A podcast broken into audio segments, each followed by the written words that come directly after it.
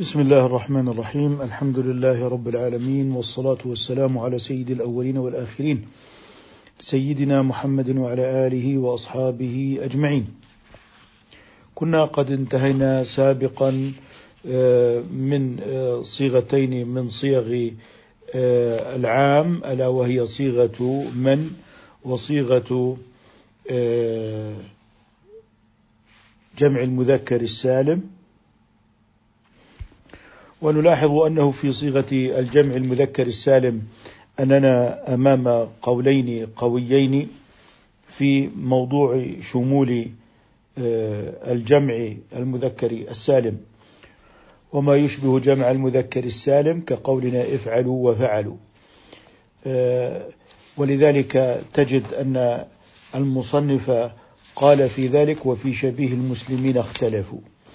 وهنا يتحدث عن آه، نوع آخر من أنواع العام ويحكي الخلاف فيه ألا وهو قوله وعمم المجموع من أنواع إذا بمن جر على نزاع كمن علوم ألق بالتفصيل للفقه والتفسير والأصول.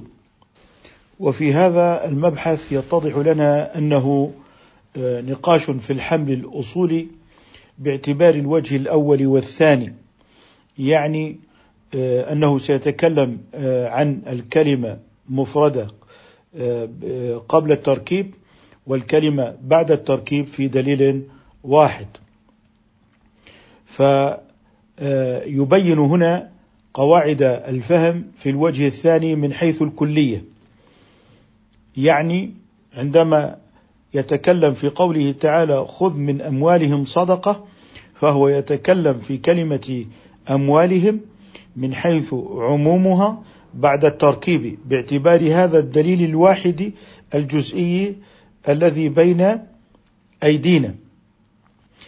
أما الوجه الثالث وهو حمل الفقيه الذي يجب عليه أن يستقصي جميع الأدلة وأن يرتبها وأن ينظر في القواعد لاستنباط الأحكام فهذا بحث في الوجه الثالث والأصولي هنا يبحث في هذا الوجه الثاني بينما آه، الوجه الثالث مبحوث في كتب الفروع. ولا بد أن نميز بين هذه المسألة ومسألة سبق وأن بحثناها وهي أن اسم الجنس كالفقراء هل يصدق بجميع أفراده؟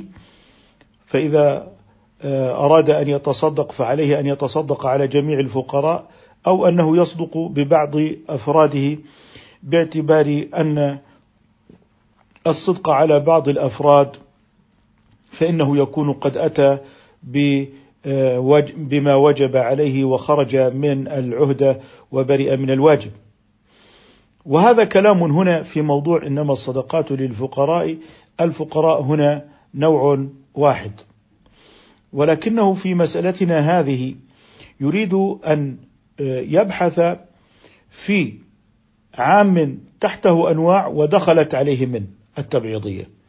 إذا نحن نكون هنا أمام مسألتين في موضوع مسألة صدق الجنس آه، ببعض الأفراد هذه مسألة والمسألة الثانية دخول من على آه، العام الذي فيه أنواع فهل يكون التبعيض لكل نوع من تلك الأنواع أم يكون التبعيض لمجموع الأنواع. بمعنى في قوله تعالى خذ من أموالهم صدقة. هنا الأموال أنواع منها ما هو الأثاث المنزلي منها ما هو عروض تجارة منها ما هو النقود منها ما هو الإبل ومنها ما هو البقر. فدخلت من على هذه آه، العبارة آه، هذه الكلمة وهي آه، من أموالهم. الآن هل من تدخل على كل نوع؟ فيكون المعنى خذ من أموالهم التي هي أثاث المنزل ومن عروض التجارة التي عندهم ومن الإبل ومن البقر ومن الغنم ومن النقود. ف هل تدخل من على كل نوع؟ وهذا نسميه آه، دخول من على الجميع بمعنى أن كل نوع دخلت عليه من. أو أن من تدخل على المجموع. فتدخل من آه، على مجموع هذه المذكورات من أثاث وعروض تجارة ونقود وإبل وبقر وغنم فيجزئ عندئذ الإخراج من نوع واحد لأن من هنا دخلت على المجموع. فجوهر المسألة عندما تدخل من على العام وهذه من التبعيضية. فهل هي تدخل على الجميع؟ فيجب الإخراج من كل نوع. أم هي تدخل على المجموع؟ فيكفي الإخراج من نوع واحد. وهذا طبعا بحث في مجال أصول الفقه. وليس بحثا في الفروع. وإلا فمن فالمجتهد الفقيه بحث في الأموال التي تجب فيها الزكاة فالأثاث المقتنى لا تجب فيه الزكاة وعروض التجارة تجب فيها الزكاة والإبل والبقر والغنم تجب فيها الزكاة لكن أيضا بشروط أخرى ألا وهو اكتمال النصاب. إذا بحث الأصولي هنا إنما هو بحث في القاعدة. فقط.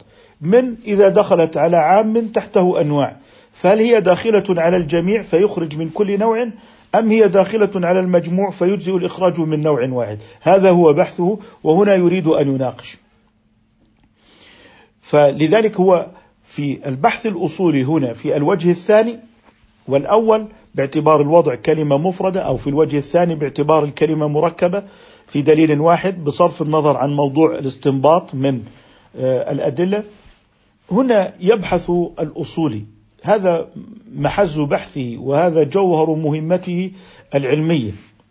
هو تصحيح هذه القواعد. أما استعمال هذه القواعد آه، عندئذ هذا يكون من شأن الفقيه الذي يجمع الأدلة وعليه أن يبحث عن مجموع أدلة الشريعة ليعلم مراد الله سبحانه وتعالى هذا شأن الفقيه المجتهد. لذلك نقول إن الذي درس أصول الفقه لا يستطيع أن يفتي من داخل أصول الفقه وأن يستخرج الأحكام من داخل هذه الأصول لأن الإفتاء لابد أن يكون باستقراء جميع الأدلة.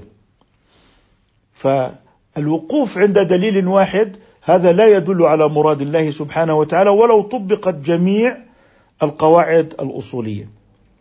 فلذلك لابد من الجمع بين الأدلة التفصيلية الجزئية وتطبيق القواعد الأصولية في طرق الفهم والجمع.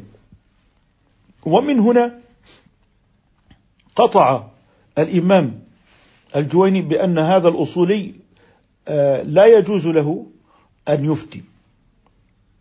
فقال فيما ينقله عنه الإمام النووي رحمه الله المتوفى سنة ست وسبعين وستمائة للهجرة في كتابه آداب الفتوى والمفتي والمستفتي. فنقل عن الإمام الجويني قوله ولقد قطع إمام الحرمين وغيره بأن الأصولي الماهر المتصرف في الفقه لا يحل له الفتوى بمجرد ذلك ولو وقعت له واقعة لزمه أن يسأل عنها ويلتحق به المتصرف النظار البحاث من أئمة الخلاف وفحول المناظرين لأنه ليس أهلا لإدراك حكم الواقعة استقلالا لقصور آلته. ولا من مذهب إمام لعدم حفظه له على الوجه المعتبر. يعني يريد أن يبين أنك إذا علمت القواعد الأصولية وتعلمت هذه القواعد الأصولية وأتقنت علم الأصول فلا يعني أنك عارف بهذه القواعد الأصولية أنك قادر على استنباط أحكام الوقائع المستجدة بتلك القواعد فقط بل لا بد أن ترجع إلى مذهبك وأن تنظر في الفروع التي تتناول هذه المسألة بجزئها ثم بعد ذلك تنزل الحكم على محله في الواقع.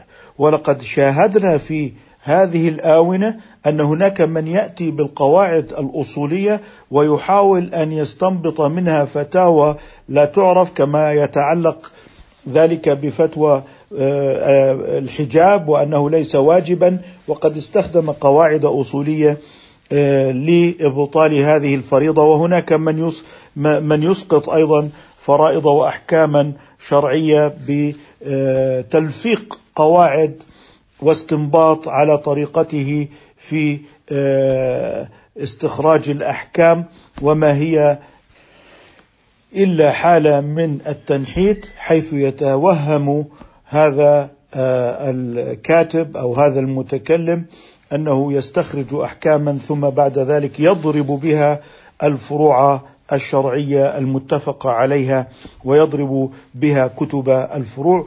ولقد آه، هوجمت كتب الفروع الفقهية التي يعني حررت الفتاوى تحريرا آه، دقيقا من قبل من يزعم أنه أصبح من أهل الدليل أو بما يسمي نفسه به أن هناك مذهب يسمى مذهب الدليل.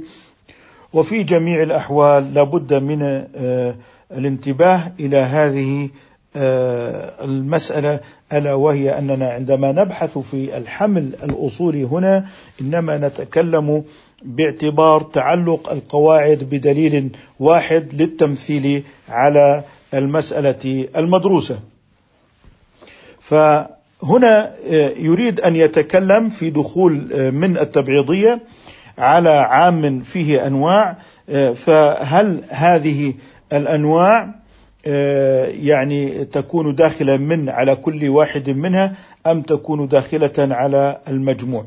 هذا معنى قوله كمن علوم ألق بالتفصيل للفقه والتفسير والأصول فإذا قال لك آه، ألقي علما من الفقه والتفسير والأصول كل يوم فهل يجب عليك أن تدرس في كل يوم الفقه والتفسير والأصول في يوم واحد؟ أم يجوز لك أن تدرس آه، في يوم من الفقه وفي يوم آخر من الأصول وفي يوم آخر من آه، التفسير بناء على الثاني وهو أنك تدرس في يوم تفسيرا وفي يوم آخر فقها وفي يوم آخر اصولا فهذا يعني أنها دخلت آه، من على المجموع. فإن قال لك كل يوم درس الفقه والتفسير والأصول فقلنا إن المعنى يجب أن يدرس في كل يوم واحد تفسيرا واصولا وفقها فهذا يعني أن آه، من دخلت على الجميع أي على كل نوع من تلك الأنواع. قال رحمه الله في الشرح يعني أنه إذا اجتمعت صيغة تبعيض وهي من هنا مع جمع معرف باللام أو بالإضافة أو ذي حصر يعني سواء معرف باللام كقولنا خذ من الأغنياء أو بالإضافة كقوله تعالى خذ من أموالهم أو ذي حصر كأسماء العدد من العشرة أو من العشرين. الآن هذا الذي ذكره آه، في دخول صيغة تبعيض كحرف الجر من على معرف باللام أو الإضافة أو أسماء العدد. الآن قال فالذي عليه الجمهور وجوب حمل الجمع على جميع أنواعه نظرا لمدلول العام من أنه كلية. إذا في قوله تعالى خذ من أموالهم أي من كل مال من أموالهم. من كل مال من أموالهم. ما هو الحكم؟ الأخذ.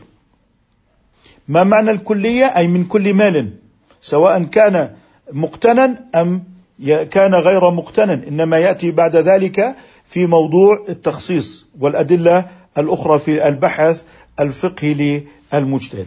نظرا لمدلول العام من أنه كلية وقلنا إن معنى كلية ثبوت الحكم بعدد أفراد العام. يعني عندنا عشرة أنواع من الأموال فهذا يعني أن الأخذ سيكون من كل نوع. وأن الأخذ لابد أن ينطبق على كل نوع. اذا دليل الذين قالوا بوجوب الحمل على الجميع وأن يؤخذ من كل مال هو الأصل أن العام دلالته كلية. فإذا قلنا إن دلالته كلية فهذا يعني أن الأخذ لا بد أن يكون من كل مال من هذه الأموال. قال واسم العدد عام في المعنى. لاحظوا أنه قال عام في المعنى. ما معنى عام في المعنى؟ أي أن فيه متعدد. فإذا قلت عشرة فإن فيه واحد آه، آه، واثنين وثلاثة وأربعة وخمسة وستة وسبعة وثمانية وتسعة. إذا هنا لما قال إن اسم العدد هنا كعشرة فإنه عام باعتبار تعدد أفراده. فلو قال لك صاحب الدكان خذ واحدة من العشرة صناديق أو خذ حبة تفاح من العشرة صناديق. فهل تأخذ من كل صندوق حبة أم تأخذ حبة واحدة من مجموع الصناديق؟ هذا هو البحث. هذا هو البحث هنا في موضوع العشرة. فالعشرة باعتبار معناها من حيث معناها أي أنها شاملة لمتعدد. وإن لم تكن على حد العام وهو اللفظ المستغرق دفعة دون حصر. إذا عامل هنا أسماء العدد في معنى الجمع ولم يعاملها على حد صيغة الجمع وهو المستغرق دفعة دون حصر. لذلك في قوله كأسماء العدد أو ذي حصر كأسماء العدد فالذي عليه الجمهور وجوب حمل الجمع على جميع أنواعه نظرا لمدلول العام من أنه كلية. قال واسم العدد عام في المعنى وإن كان لا يسماه اصطلاحا. أي هنا توقع أن الذي قاله لك في أول تعريف العام ما استغرق الصالح دفعة بلا حصر من اللفظ كعشر مثلا هنا أتى لك باسم العدد على أنه من العام. قال لك إنما هو من العام باعتبار المعنى وباعتبار مدلوله في أنه يدل على متعدد وإن كان لا يسماه أي لا يسمى عاما أي كان أي لا يسمى عاما لأنه محصور. وبدأ بالتمثيل. فقوله تعالى خذ من أموالهم صدقة. خذ من أموالهم صدقة.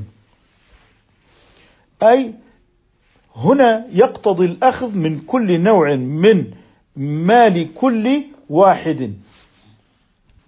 وقيل يقتضي الأخذ من نوع واحد من مال كل واحد. وهم المذكورون أموالهم اللي هو المضاف إليه أي المسلمون. قال واختاره ابن الحاجب والقرافي. ما الذي اختاره ابن الحاجب والقرافي؟ اختاروا أنه يقتضي الأخذ من نوع واحد من مال كل واحد. فصيغة قال فصيغة التبعيض تبطل عموم صيغة العموم. ما هي صيغة التبعيض في الآية؟ من أبطلت العموم في أموالهم. وبناء عليه صار المطلوب أنك تأخذ من نوع واحد من هذه الأنواع. وعندئذ تبرأ الذمة وتخرج من العهدة قال تبطل عموم صيغة العموم. في ذلك الحكم المتبعض لأن من للتبعيض وهو يصدق ببعض مدخولها. وهو أي الضمير هنا عائد للتبعيض.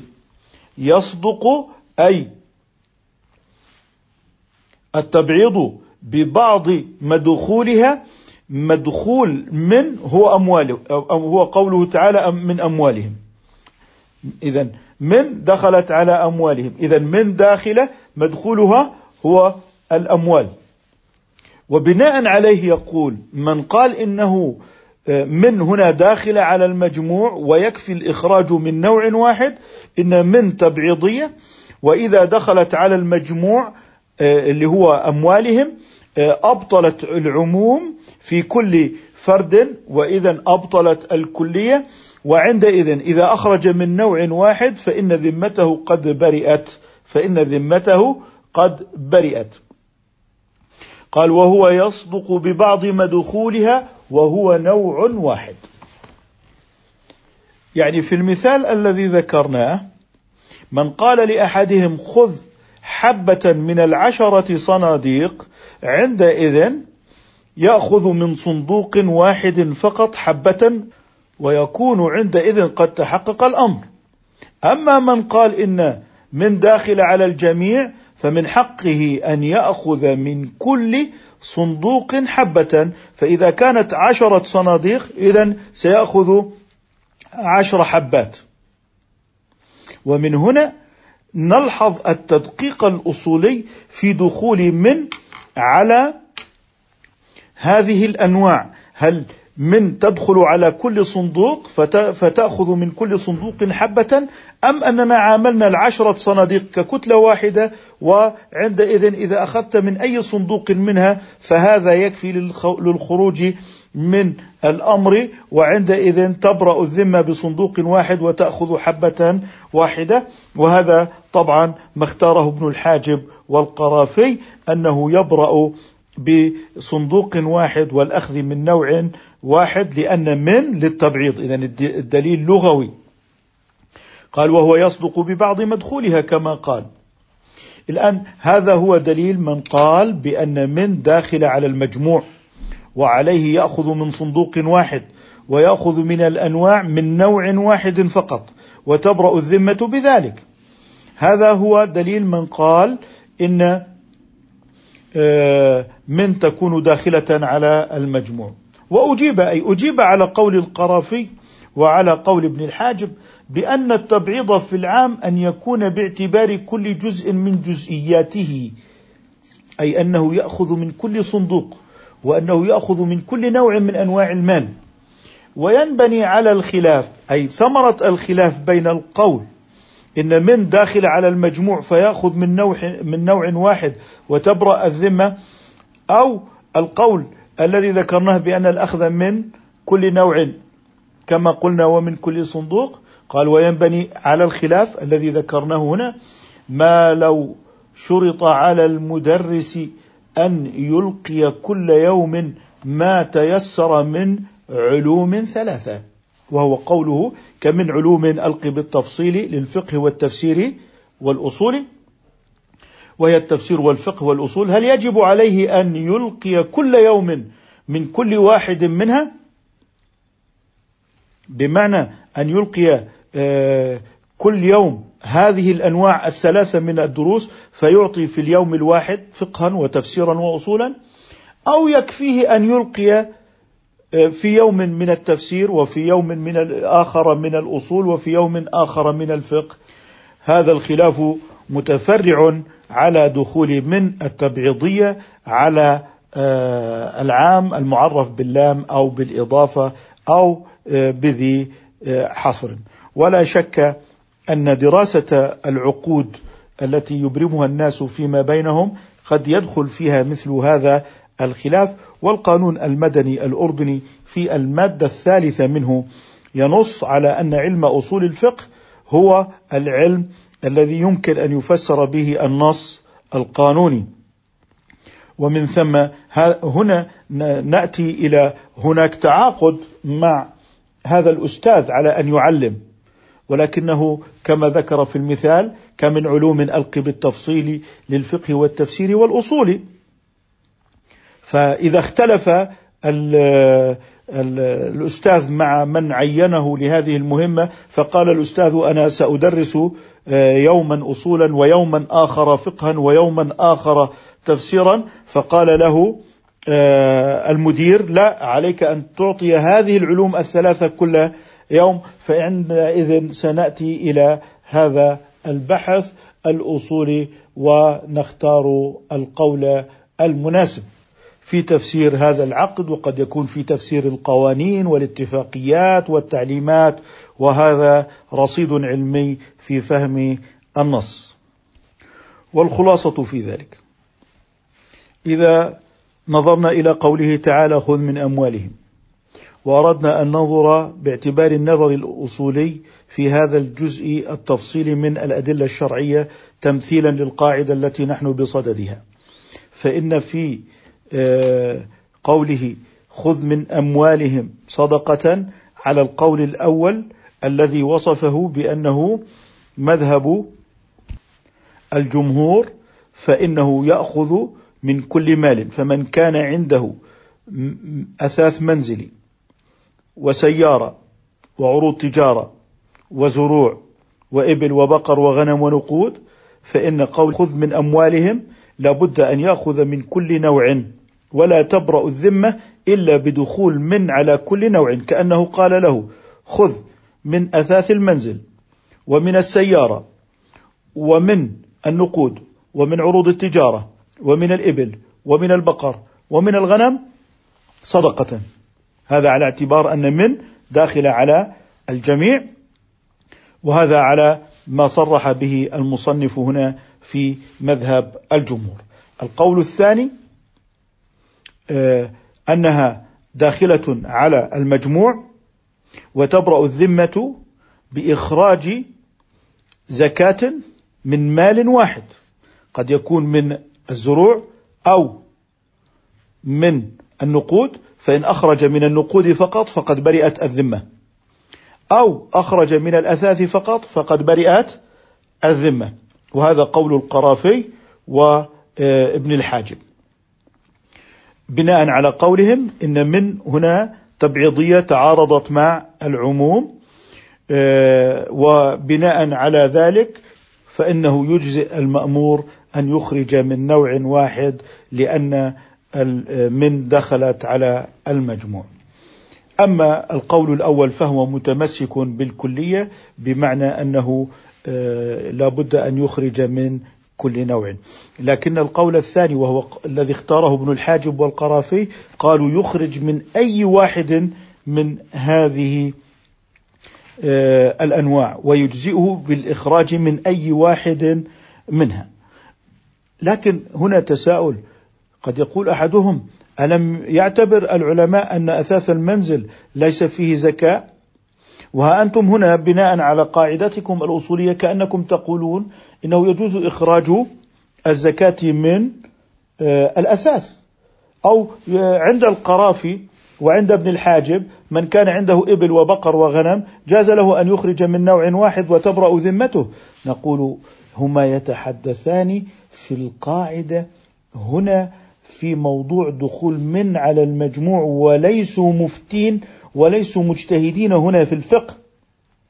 وإلا فإنهم في الفقه يقولون من كان عنده إبل وبقر وغنم وقد بلغت نصابا وجب عليه الإخراج من جميع الأنواع لكن هذا كان باعتبار الاجتهاد في الوجه الثالث. في الوجه الثالث وهو الجمع بين الأدلة. وعليه إذا جئنا إلى الحمل الفقهي وجدنا أن الفقيه يأخذ البحث الأصولي ثم يقوم باستقراء جميع الأدلة. فينتهي إلى وجوب الإخراج مما بلغ نصابا من الإبل والبقر والغنم ولا يخرج من الأثاث المقتنى فأخرج مجموعة باعتبار أدلة من خارج هذه الآية وهي أدلة شارحة من السنة لما أجمل في هذه الآية الكريمة. فلذلك هناك آه، أنواع لا تزكى باتفاق وإن كانت اموالا ولكنها بهذه الآية كانت داخلة كالأموال المقتناة فهي تسمى اموالا ولكنها لا تزكى بأدلة من خارج هذا الدليل وهي الأدلة التي تبين أن المقتنى ليس فيه الزكاة. فعندئذ نقول إن من الخطورة بمكان أن يعزل أصول الفقه عن الفقه فيتوهم بعضهم أننا نستغني عن كتب الفروع الفقهية ومصادرنا الفرع الفرعية في كتب الفتوى لأن بين أيدينا علم الأصول. ونقول هنا آه، بناء على علم الأصول انظروا إلى هذا الخلاف. فالقول الذي عند الجمهور تخرج من جميع الأنواع ولو كان اثاثا منزليا وهذا في الفقه باتفاق لا يصح. وهنا في القول الثاني أنهم يقولون آه، تخرج من نوع واحد من الإبل وتجزئك ولا يجب عليك أن تخرج من البقر والغنم. وهذا أيضا غير صحيح في الفروع. ومن هنا يتضح لنا أن الذين يستخدمون آه، علم أصول الفقه قطع غيار.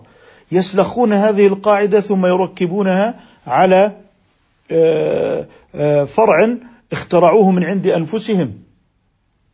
فمثلا هل أمر الأول للثاني أن يأمر ثالثا؟ أمر من الأول للثالث؟ هذا ما أثروه في قوله تعالى يا أيها النبي قل لأزواجك وبناتك ونساء المؤمنين يدنين عليهن من جلابيبهن.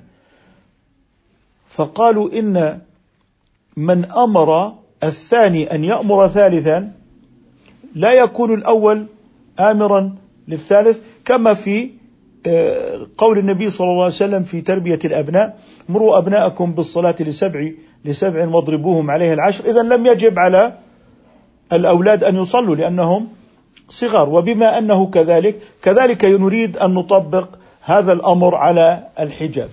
فأمر النبي أن يأمر زوجاته لا يكون الله آمرا للزوجات بأن يرتدين الحجاب. فحدثت هناك عملية تلفيق للقاعدة الأصولية. طيب في موضوع مثلا آه، بقاء المرأة المسلمة زوجة للكتاب بعد إسلامها.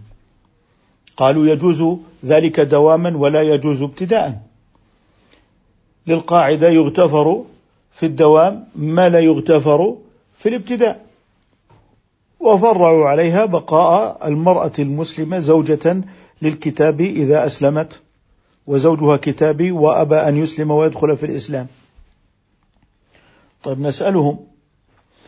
هذه قاعدة أنتم طبقتموها على الفروع مباشرة مع أن مصادرنا الفرعية مخالفة لذلك لأنها ستقوم على استقراء أدلة أخرى. كقوله تعالى في سورة الممتحنة لا هن حل لهم ولا هم يحلون لهن. فماذا تفعل هنا مع هذا النص الشرعي؟ لذلك عندما يأتي بعضهم بقواعد أصولية ويذهب ليتحلل من الفروع الفقهية نجد أنه قد أضاع البحث الفقهي القائم على استقراء جميع الأدلة. بينما يأتي الأصولي في بحثه الأصولي يكفيه أن يأتي بمثال من آية واحدة لتقرير القاعدة فهو يبحث في الآية باعتبارها دليلا جزئيا ليوضح قاعدته لا ليفتي من هذا الدليل الجزئي كما بينا بأنه في موضوع قوله تعالى خذ من أموالهم أنها مخصوصة فلا تجب في المال المقتنى وأن هناك اموالا لابد أن يخرج منها ولا يكفي الإخراج من مال واحد إذا وجبت الزكاة في مجموع تلك الأنواع من الأموال. ومن هنا الحمل الأصولي إنما يتعلق بالبحث في القاعدة الأصولية من حيث قوتها في الاستدلال ومن حيث وزنها في الاستدلال. أما استنباط الحكم الفقهي فيتوقف على استقراء جميع الأدلة التفصيلية وعلى استقراء أصول الشريعة وقواعدها وعلى جمع ذلك كله واستكمال النظر ثم بعد ذلك استخراج الحكم المناسب للمسألة محل النظر. فإذا اتضح لنا الفرق بين الحمل الفقهي والحمل الأصولي مع هذه الأمثلة سنكتشف أن الحداثة التي وقفت موقف العداء لأصول الفقه قد تستخدم علم أصول الفقه وقواعده في هدم فروع الشريعة بسبب آه، الثغرة الموجودة في أذهان آه، طالبي البحث والعلم الشرعي في الفرق بين الحمل الاصولي والحامل الفقهي، وأقصد بالحمل هنا بمعنى الفهم وقواعد النظر. نكتفي بهذا القدر إن شاء الله تعالى سبحانك اللهم وبحمدك نشهد أن لا إله إلا أنت نستغفرك ونتوب إليك